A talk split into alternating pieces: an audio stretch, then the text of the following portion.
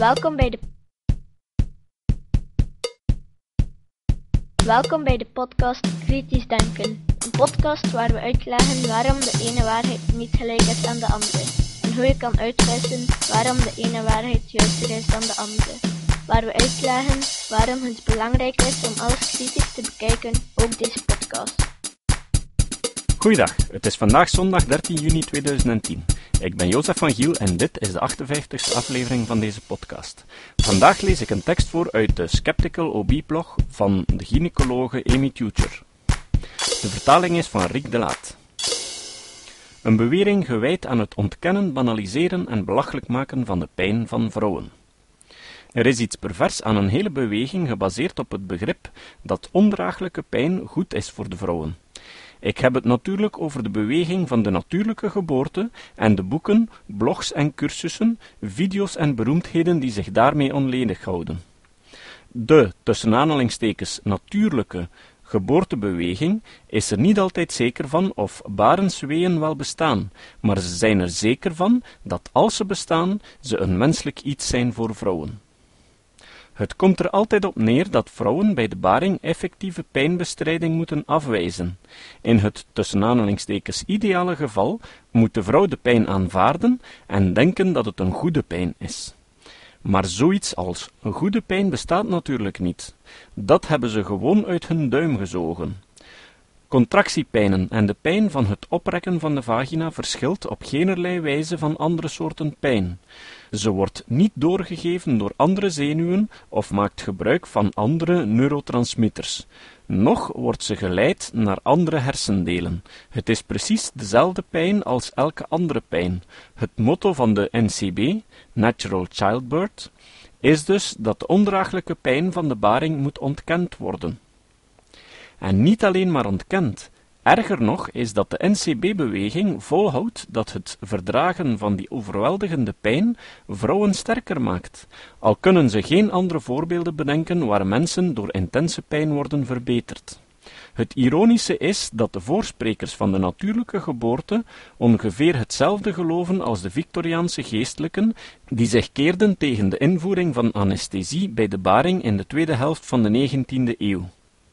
Die geloofden dat het fout was om barensweeën tegen te gaan, omdat het Gods bedoeling was dat vrouwen zouden afzien. De verdedigers van NCB schijnen te geloven dat het fout is om baringspijn te bestrijden, omdat het de bedoeling van de tussen natuur is om vrouwen te laten lijden. Welk effect dit heeft op de vrouwen zelf, is de laatste van hun zorgen. De beweging vernedert voortdurend die vrouwen die deze pijn niet willen ondergaan. Ze worden voorgesteld als zwak, als opgevend, als onopgevoed en niet zorgzaam genoeg omdat ze de risico's niet begrijpen. Of erger, de ultieme onuitgesproken belediging is dat echte vrouwen de pijn kunnen en moeten accepteren en dat vrouwen die voor een epidurale kiezen op de een of andere manier niet echt vrouwelijk zijn. Er is zelfs een strekking bij de natuurlijke geboorteverdedigers die eenvoudigweg het bestaan van de pijn ontkennen.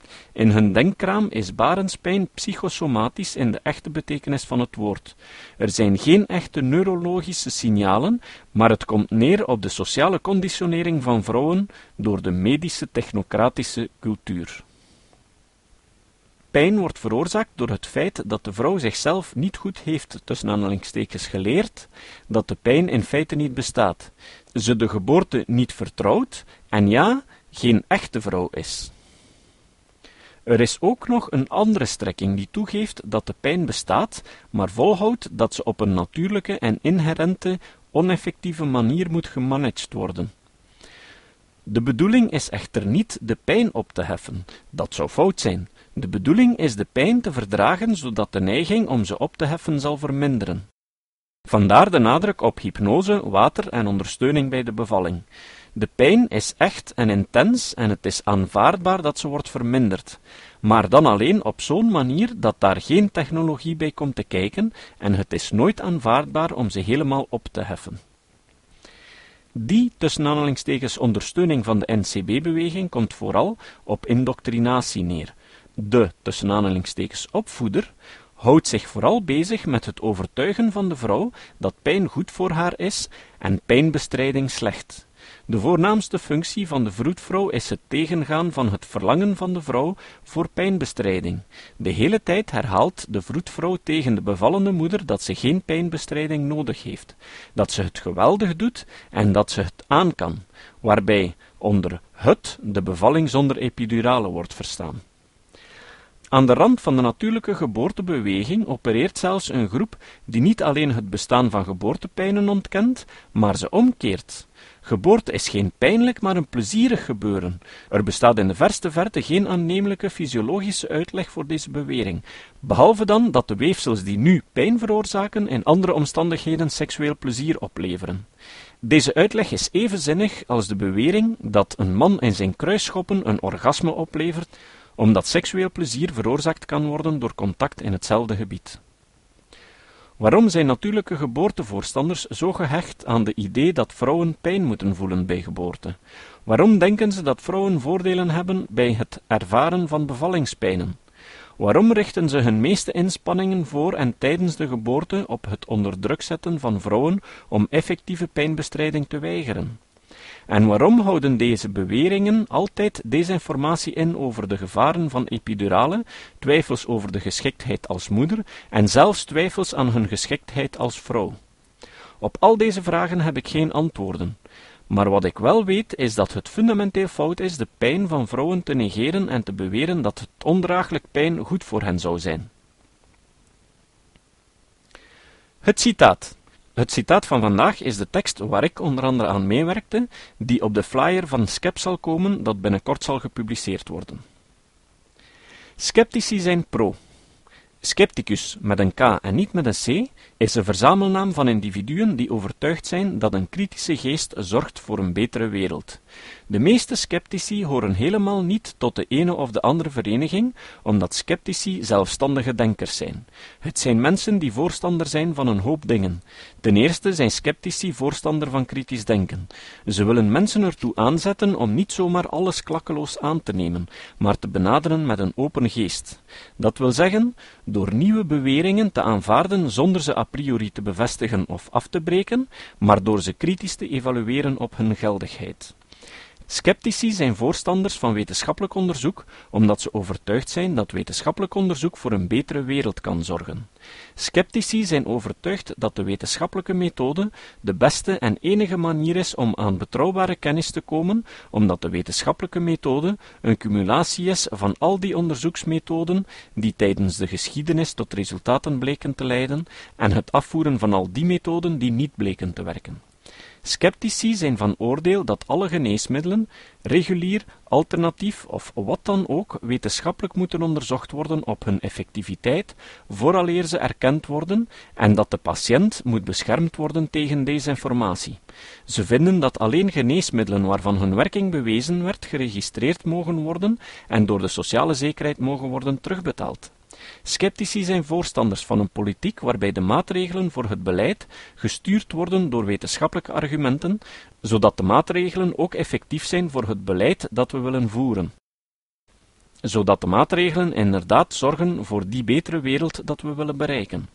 Sceptici zijn voor het onderwijzen van kritisch denken in de scholen, zodat kinderen weerbaarder worden en hun eigen conclusies kunnen trekken. Sceptici willen dat kinderen leren hoe te denken, zodat ze hun eigen mening kunnen vormen, in plaats van hen te moeten vertellen welke mening ze moeten hebben. Sceptici doen niets liever dan argumenten vinden om hun eigen vooroordelen in vraag te stellen, en zo hun kennis en inzicht te verruimen. Sceptici hebben geen heilige huisjes. Sceptici zijn voor geweldloosheid en voor vrijheid van meningsuiting. Sceptici vinden het boeiend om altijd maar nieuwe dingen te leren, om verbaasd te worden door onverwachte nieuwe resultaten van onze kennis, waardoor ze hun eigen visie moeten herzien. Maar sceptici hebben één belangrijk nadeel. Doordat ze zelfstandige denkers zijn, is het heel moeilijk om een vereniging van sceptici op te richten. Het is een beetje zoals proberen om katten in een kudde te laten lopen. Maar toch zijn er steeds meer sceptici die overtuigd zijn dat het noodzakelijk is om zich te verenigen ten einde de maatschappij beter te kunnen wapenen voor de uitdagingen van de toekomst. Tot de volgende keer. Dit was de podcast Kritisch Denken. Vergeet niet om alles kritisch te behandelen, ook deze podcast. Voor verdere informatie over deze podcast, links en voor de tekst, surf naar www.kritischdenken.info. Als je deze podcast belangrijk vindt, dan kan je me steunen door andere mensen warm te maken ook eens te luisteren. Stuur een e-mail naar je vrienden met een link naar mijn website of plaats de link in de handtekening van je e-mails.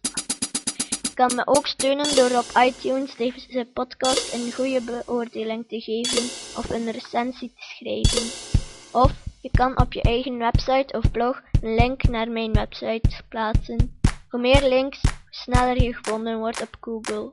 Dat kan beloond worden door een link naar jouw website bij mij.